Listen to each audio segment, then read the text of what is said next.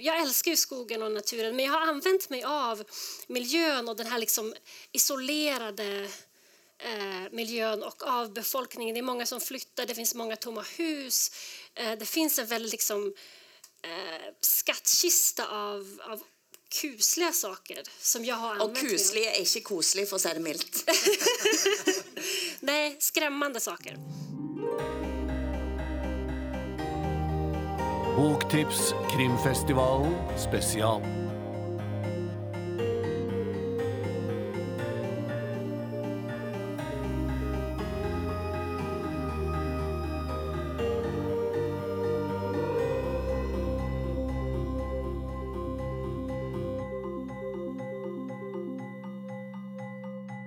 Da har vi kommet til eh, programposten som vi kalte Svensk-norsk mestermøte. Dessverre så måtte Sofie Sarenbrant eh, melde avbud. Hun kommer litt senere i dag på Teaterkjelleren, men hun rakk det ikke nå. Så da fikk vi inn eh, en annan annen svensk mester, som bl.a. har fått pris i Tyskland. Så han er sikkert minst like god. Han kom på mange andre program, men har da kommet på dette. Han heter Stefan Anhem. Og det, det, jeg tenkte at dere skal få applåder, applaus, altså, men dere tar det idet de går på scenen. Den andre svensken, som också også har vunnet eh, Glassnøkkelen som Nordens beste, for Nordens beste krimroman, er Stina Jackson. Og så skal de to svenske mesterne da møte naturlig nok en norsk mester, og det er festivalforfatter Tom Egeland. Og til å prøve å, å passe på at landskampen blir jevnbyrdig, selv om det er to mot én, så har vi en norsk programleder. Og det er Hilde Sandvik, som altså var tidligere debattredaktør i Bergens Tidende, er nå sjefredaktør i Broen XYZ. Og om en måneds tid så lanserer hun et nytt radioprogram som heter Norsken, svensken og dansken. Det bør jo passe bra, selv om dansken ikke kommer på scenen. Ta godt imot forfatterne og Hilde. Kjempeapplaus! Løp ut.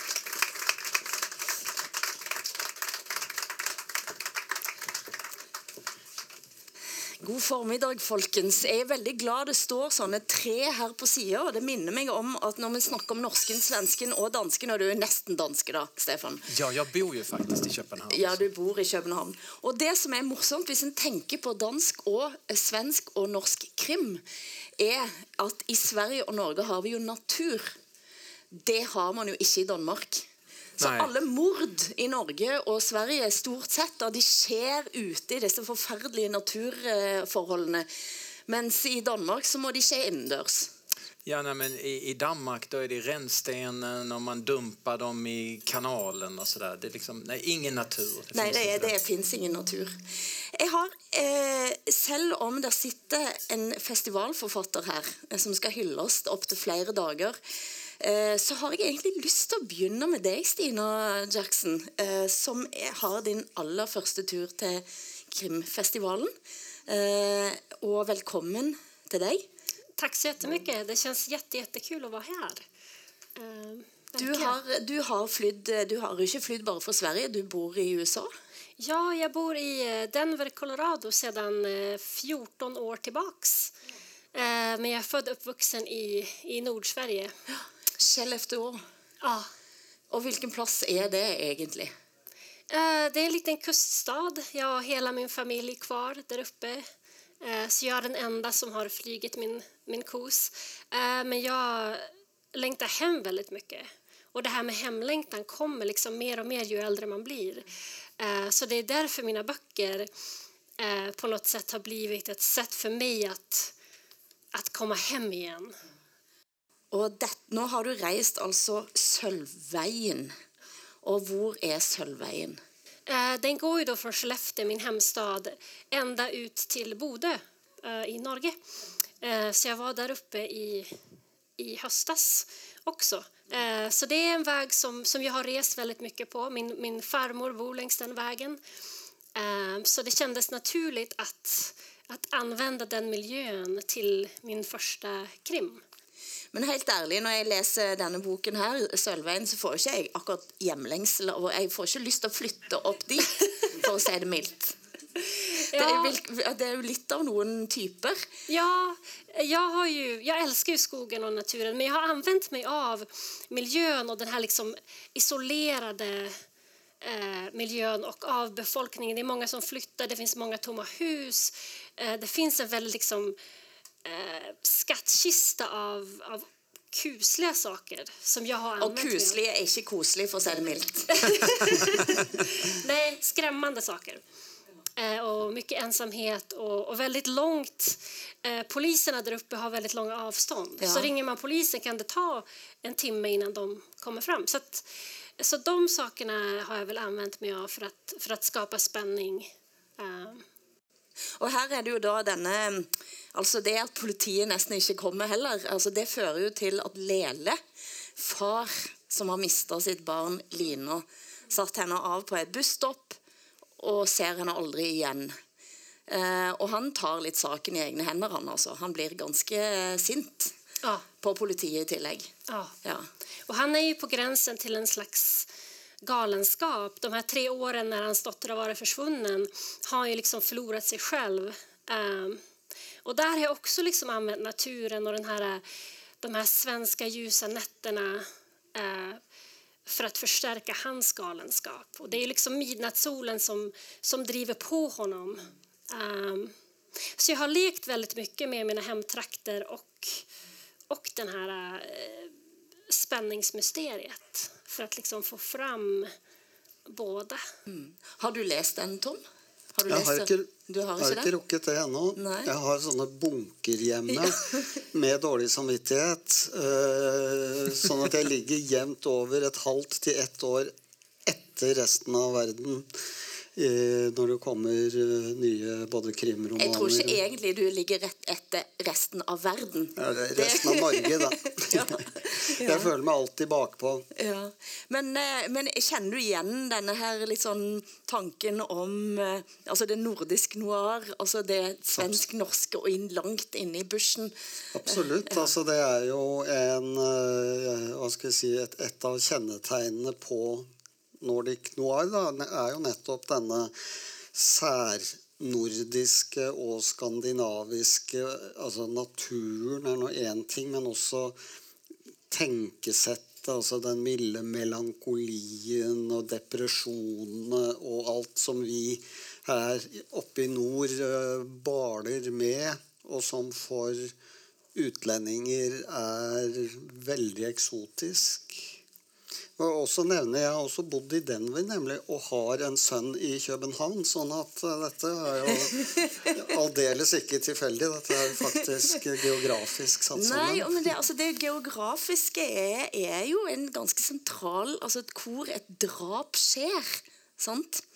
Eh, har ganske stor eh, både betydning for stemningen i, i altså den scariness, for å si det sånn. Altså hvor, hvor skummelt det er. Og du lot den forrige boken din, 'Falken', eh, det skjer jo midt her i Oslo. Og det er jo flere bøker du er midt i Oslo.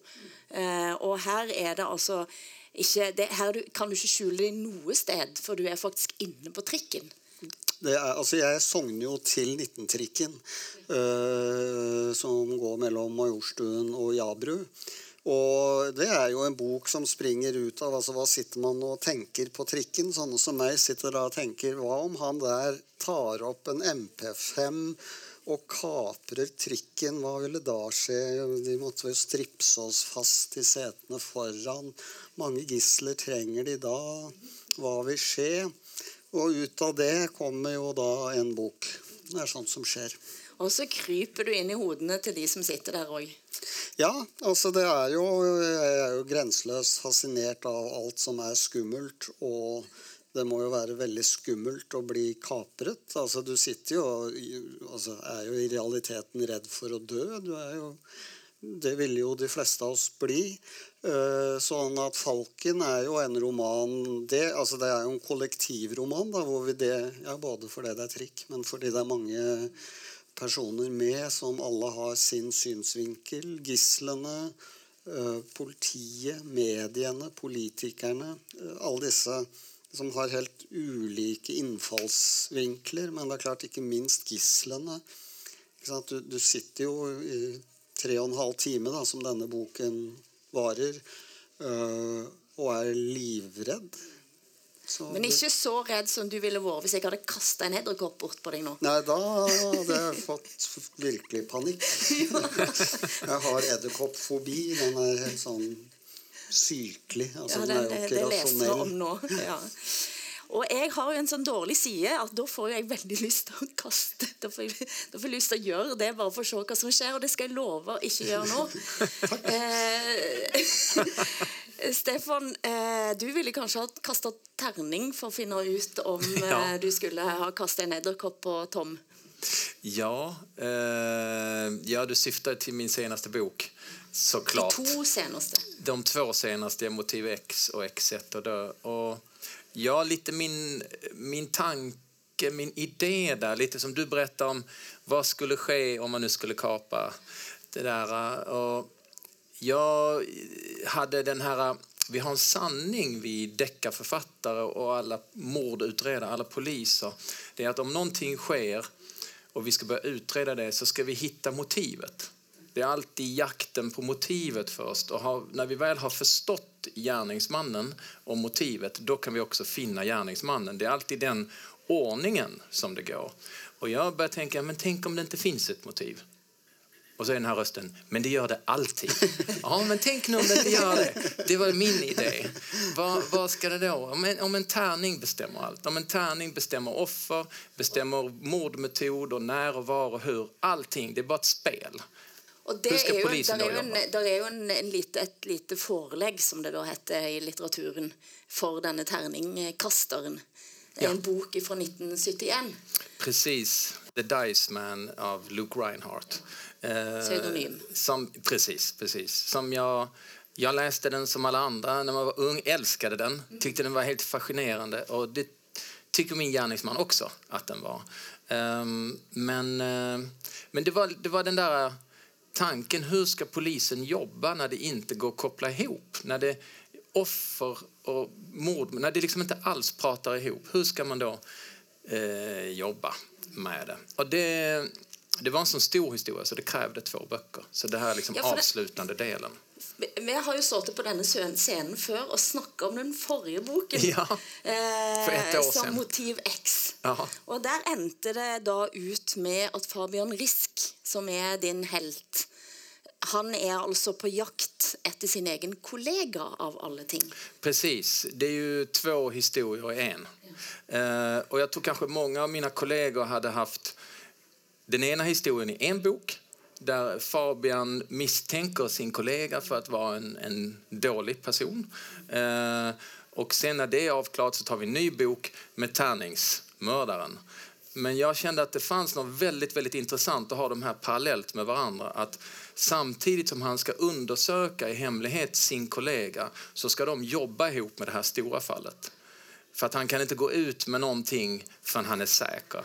Så att just det där spelet av att veta, jag vet att du vet och den här katt och råtta-leken samtidigt som de båda vill ta fast tärningsmördaren. Så det tyckte jag, det var därför jag kände, ja, men det får bli en stor historia över två bøker. Men Det var det min Kill Bill.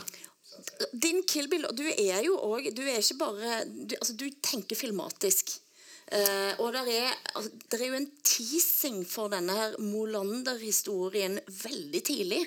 Ja. Og du visste ikke engang hvorfor du gjorde det. Du trakk ut en skuff, og der lå, lå det noe, og så bare dytter du den skuffen inn igjen. Og din forlegger sa nei, nei, ta det Ja, ut. precis, Ja. precis. Men jag visste, jag visste att Molander var en bad guy. Det visste jag. Ehm, och det kan man läsa i Offer utan ansikte. Jag har faktiskt... Eh, jag, jag får fortfarande, nu är det ju vida känt, men i början så fick jag mejl, folk som hade läst första boken. Är det Molander, Ingvar Molander som var på den här Ingela Ploghed i första boken? Och det är det ju. Och jag har gett vissa små, små, små saker, men väldigt, väldigt små. Och jag har bestämt mig för att jag samlar ihop de här. Och när jag har tio stycken som har räknat ut det så kommer jag när jag är jätterik och har sålt jättemycket böcker bjuda ner alla på något stort slott i Schweiz en helg. Och så ska vi, det var ni som var mina bästa läsare. Ni hajar grejen direkt. Så. Men jag har inte pengar än, men sen när jag först ska göra det. Stina, eh, du har skrevet en frittstående, og denne måten å tenke på, altså bygge opp, og så liksom legger vi inn noen tråder her, og så plutselig i bok seks så kommer det noe helt annet. Er- Er det, har du tenkt å gjøre sånn? Det, det var jo din debut, dette.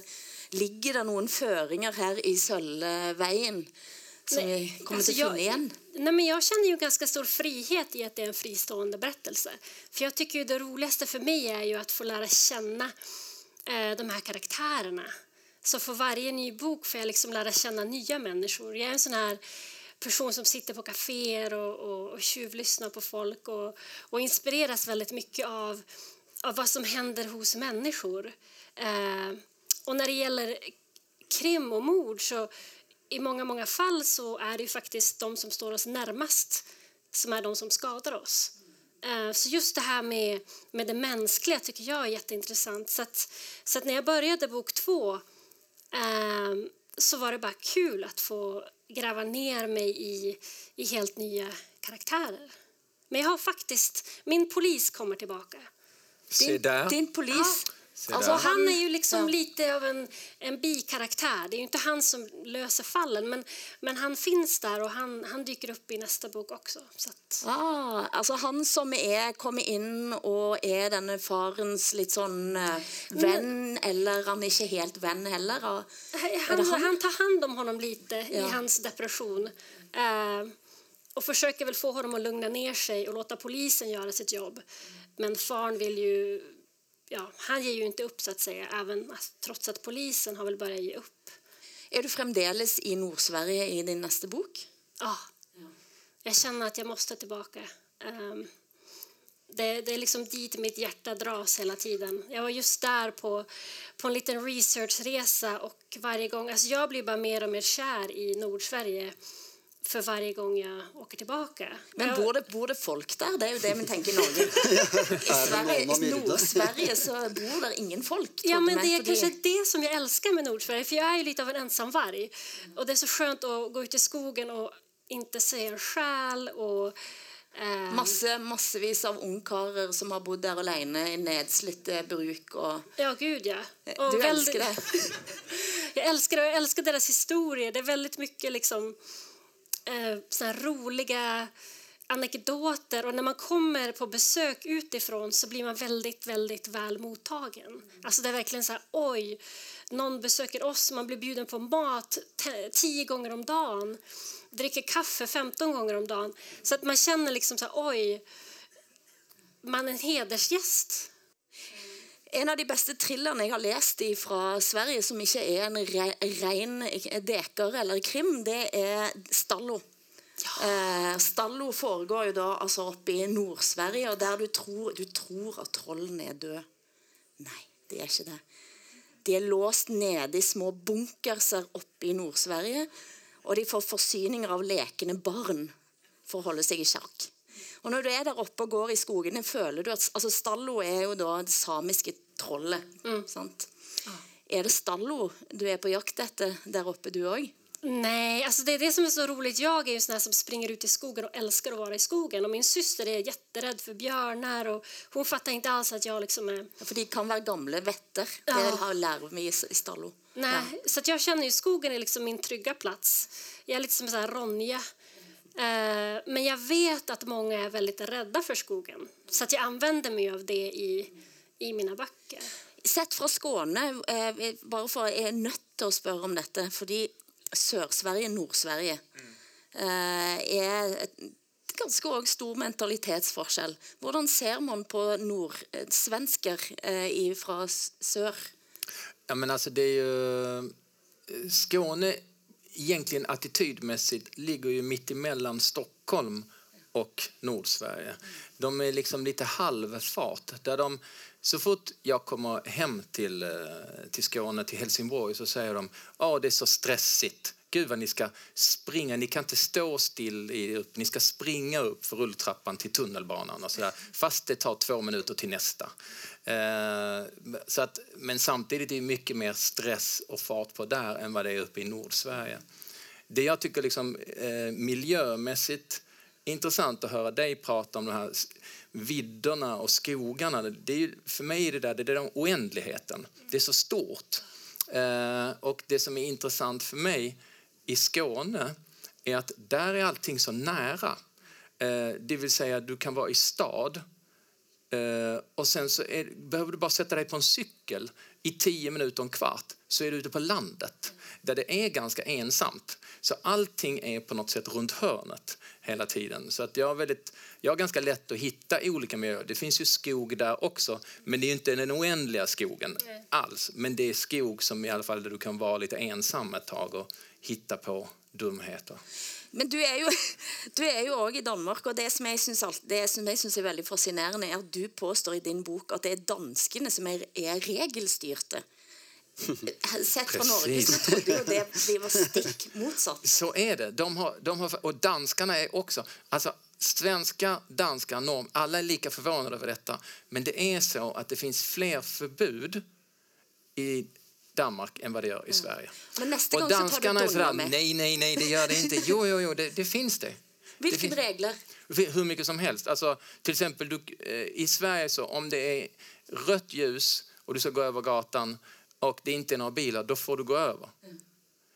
I eh, Danmark är det tror jag 1500 kronor i böter. Alltså det, det är så överallt. Om, om, du vill sätta upp, om du inte vill ha reklam hela tiden i din eh, postkasse då kan du sätta upp, skriva ingen reklam tack och så klistrar du på den. Glöm det i Danmark. Du måste gå till posten och beställa en speciell etikett som du sätter på. Därför att annars så gälls det inte. Då kommer du få den ändå. Och så är det med allting. Allting är så. Det tror man inte. Det er interessant, altså. Men Säg det till danskar, de blir på så dåligt humör. For det, det, det dukker opp denne danske politi, der er et dansk politipar eh, i eh, Exeter, Ja. måter å dø. Ja. Eh, og denne Dunja, som nesten bare kommer litt sånn innimellom Hvis en ikke har Ja, fulgt helt med, så forstår en ikke hvor kommer, hvor Ja, kommer hon är ifra. lite som en hal tvål i Ja. duschen. Man, bara, man trodde man hade henne, så Ja. är hon borta igen. Men hun, hun kommer tilbake i neste bok. Det blir hennes bok. Nästa bok är hennes bok. Og når kommer TV-serien? Oh, det är också så där fråga jag får ofta. Den, eh, de håller på att skriva manus för fullt eh, och ska ner och finansiera och sådär. Så att det ser ljust ut, men det är filmvärlden. Och jag, alltså, jag vet inte vad de går på för tidszon eller någonting, men eh, det, det är något helt annat än vi andra människor. Så man vet aldrig. Tom, du har eh, i, i fjor, eh, og siden denne boken kom ut, så har du gjort mange ting. Du har feiret en stor dag, men du sitter också nå og skriver. Du har, og du kommer fremdeles ikke tilbake til Bjørn Beltø. Er det sånn? Du er ferdig? Det får vi nå se på.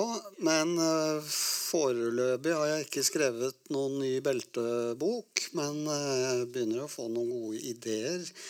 Men eh, den jeg nå legger siste hånd på verket til, er jo for så vidt en standalone. eh, For så vidt. Ja, men fordi men det jeg ofte gjør, som ingen merker, andre enn meg, er jo at jeg bruker f.eks. figurer eller steder fra andre av mine egne litterære universer.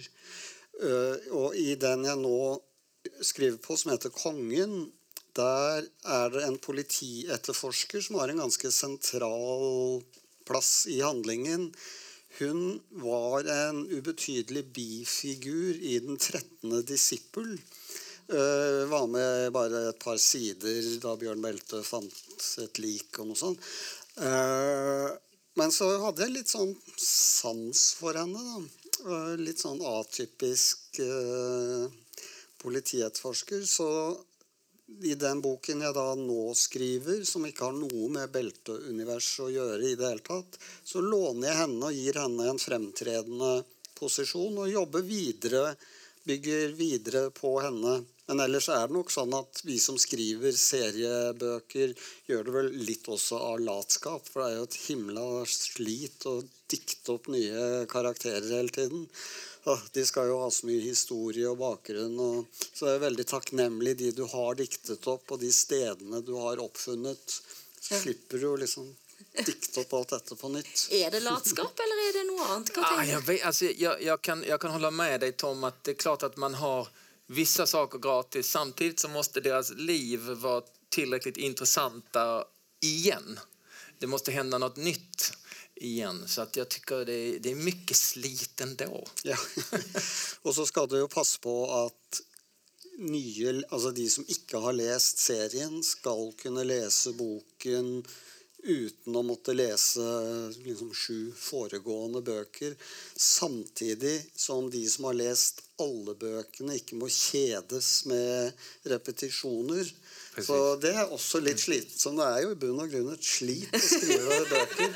Someone's got to do it. Dere har, dere har det så tøft. Ja.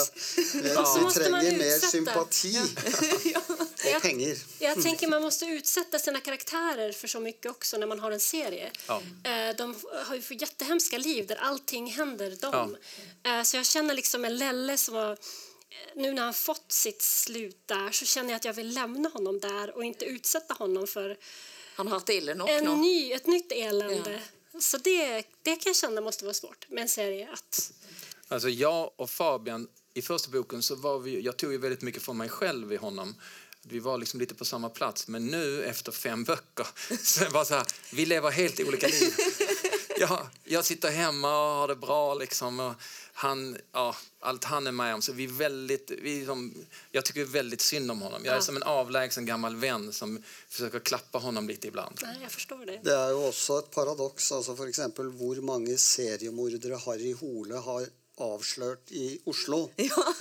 Liksom, Norge har vel knapt hatt noen sånne klassiske amerikanske seriemordere. Nei, for det er jo òg noe jeg ofte tenker på, eh, og som jeg har lest. Altså, din seriemorder Altså, Precis. han er jo eh, Han er jo både grusom og utspekulert og ganske dum. Altså, han han, eh, og, og det kommer du litt innom i boken òg, at han blir jo Han er jo fullstendig slave. sant? Og det nekter han på selv. Altså, Hvis du skal gå inn i hodet på din seriemorder, fins det et sånt menneske? Ja, men alltså, ja, det tror jag absolut att det gör. Eh, att det finns många sådana människor. Jag tror inte alla mördar människor. Men det fanns slavar under någonting. Det finns det. Alltså, det är bara att ta vilken sportstjärna som helst. De måste de ha de kalsongerna på sig och så vidare. Och det halsbandet. Så att, och det har vi alla lite mer eller mindre. Han har det bara väldigt mycket och han, han mördar. Och det är en jobbig kombination såklart. Men, men jag är ju liksom, vi har inte haft en enda seriemördare i Sverige. Vi trodde vi hade en Thomas Quick. Ja. Men det hade vi inte. Laserman- Han- han- Lasermannen. Lasermannen, ja lite. Det var, var inte jättemånga som Många skadades och någon dog. Men, men, eh, så vi har liksom varit där, men vi har inte haft så mycket av det där. Jag, jag är inte så intresserad av i mina böcker att skriva precis som det är. Alltså för jag, jag vill berätta en bra historia om människor, om karaktärer och att du inte ska kunna lägga den ifrån dig. Det, tidningarna, det, det är något annat. Så att, ja, det är lite olika saker man gör. Sådär. Altså, det er, det er Sett fra, fra Norge, og, og, og når en ser over til Sverige, så er det altså, Både Norge, Sverige og Danmark har jo hatt relativt få drap i løpet av et år. Men Sverige begynner jo å få ganske mange drap, og ikke minst der du bor. Ja. Eh, men allikevel så ser jeg lite av det gjenspeiler i krimmen. De drapsmenn som pågår både hos dere, men mange andre svenske krimforfattere òg, de, er- de er etnisk svensker. Eh, og mange av de mordene som skjer, drapene som skjer eh, rundt i Malmö f.eks., kommer ifra de bydelene der det har bodd over tid mange som kommer andre steder ifra. Når skal vi få se krim utspille seg i Rosengården? Ja, det kommer. Det- Absolut, absolut. Det är ju, det, jag tror också att det handlar om, jag, jag får ju väldigt många, mycket frågan, ni utomlands, varför ni som i Skandinavien som har det så bra, varför, varför skriver ni de här mörka historierna? Och jag tror att i grund och botten, det vi vill känna när vi läser, hela poängen är att vi vill känna saker. Vi vill bli glada, vi vill bli kåta, vi vill eh, bli ledsna, vi vill bli rädda. Vi vill känna någonting. Och jag tror att eftersom vi i grund och botten har det väldigt bra här så är det lite rädda vi vill bli. För att vi vaknar upp på morgonen åker till jobbet och är inte rädda för att eh, bussen ska sprängas i luften. Men om du bor i Afghanistan, då är det en konstant rädsla och då är det inte det du behöver läsa. Så att jag tror att vi, det är också en flykt det vi håller på med, det vi skriver. Och den flykten beskriver samtidigt den värld vi lever i. Så jag har ju eh, i Motiv X, som är min mest politiska bok, där, men det är inga, jag har inte med gängen som eh, skjuter varandra utan jag har med hur vi bränner ner flyktingförläggningar och sådär. Så att jag tror världen kommer in mellan raderna i våra historier ändå. Och det blir väldigt tydliga tidsdokument på när den här krimin skriven, även om historien är en seriemördare eller inte, så kommer man att kunna se, vänta det här är ju, precis som man tittar på ABBA idag, så kan man säga det var den tiden väldigt tydligt. Stina, du har också i din bok eh, 'Sølvveien' så ser man eh, samtiden som läcker in i karaktärerna. Eh, det er denne moren som kom flyttende fra Stockholm med mm. Maja. Mm. Hvem är det?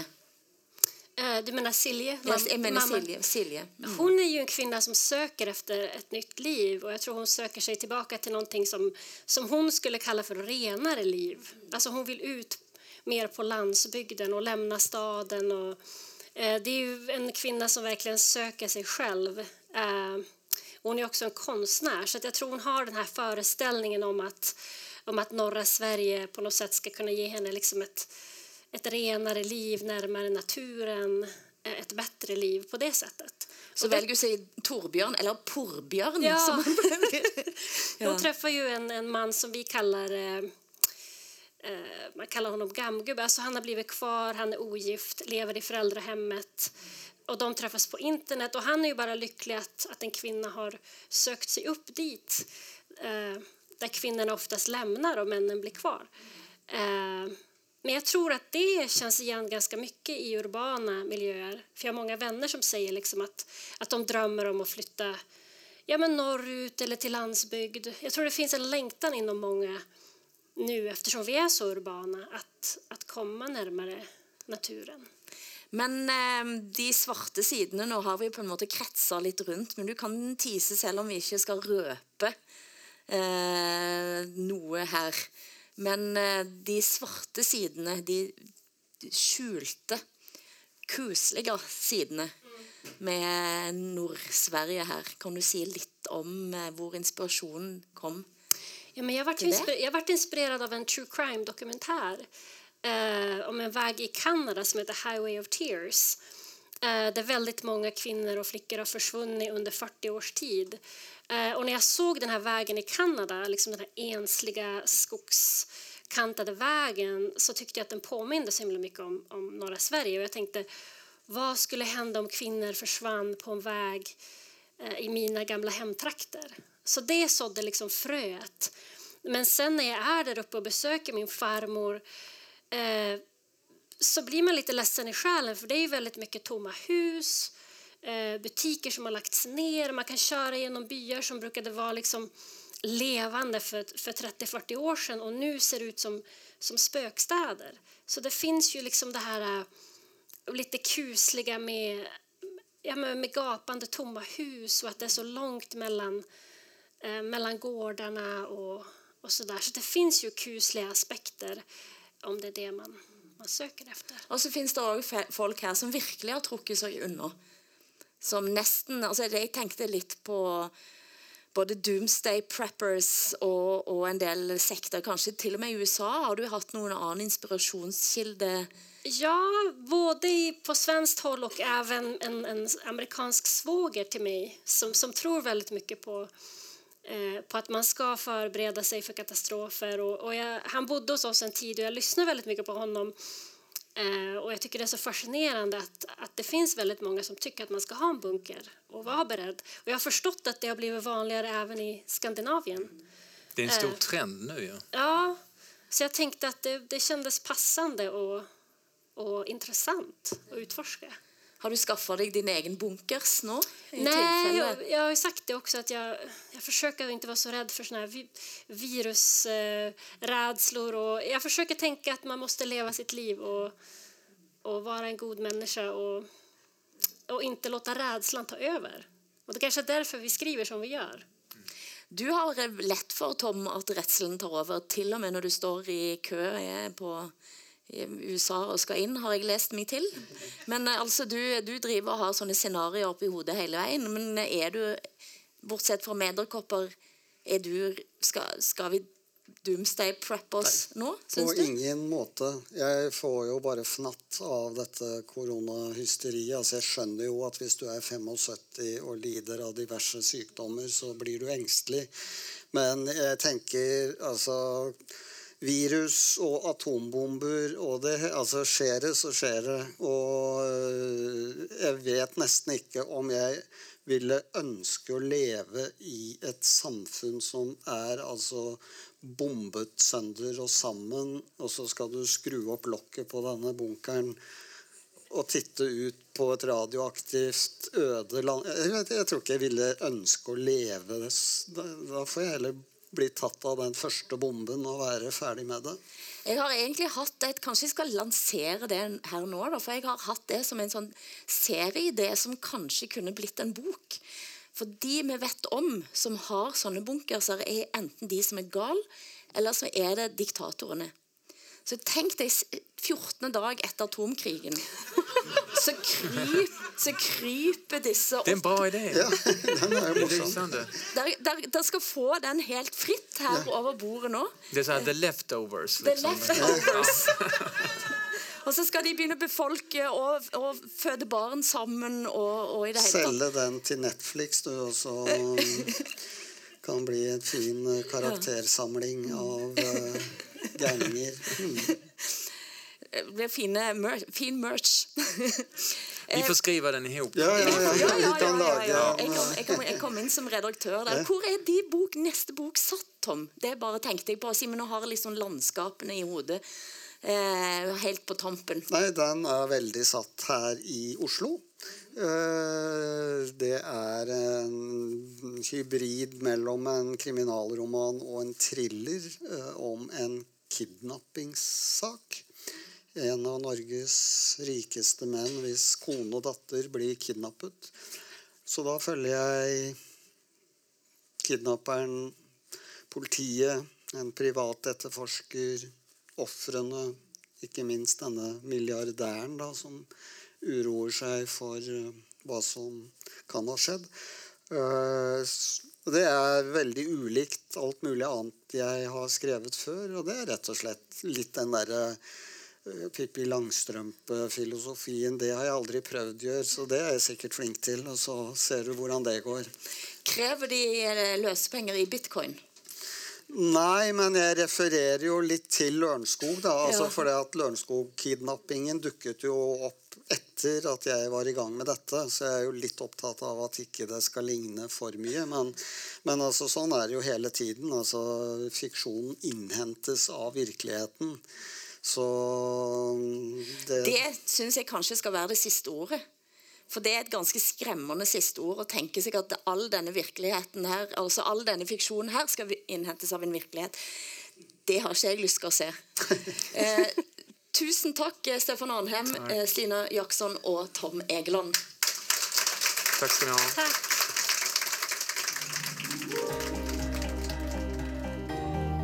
Boktips, en podkast fra Cappelen Dam.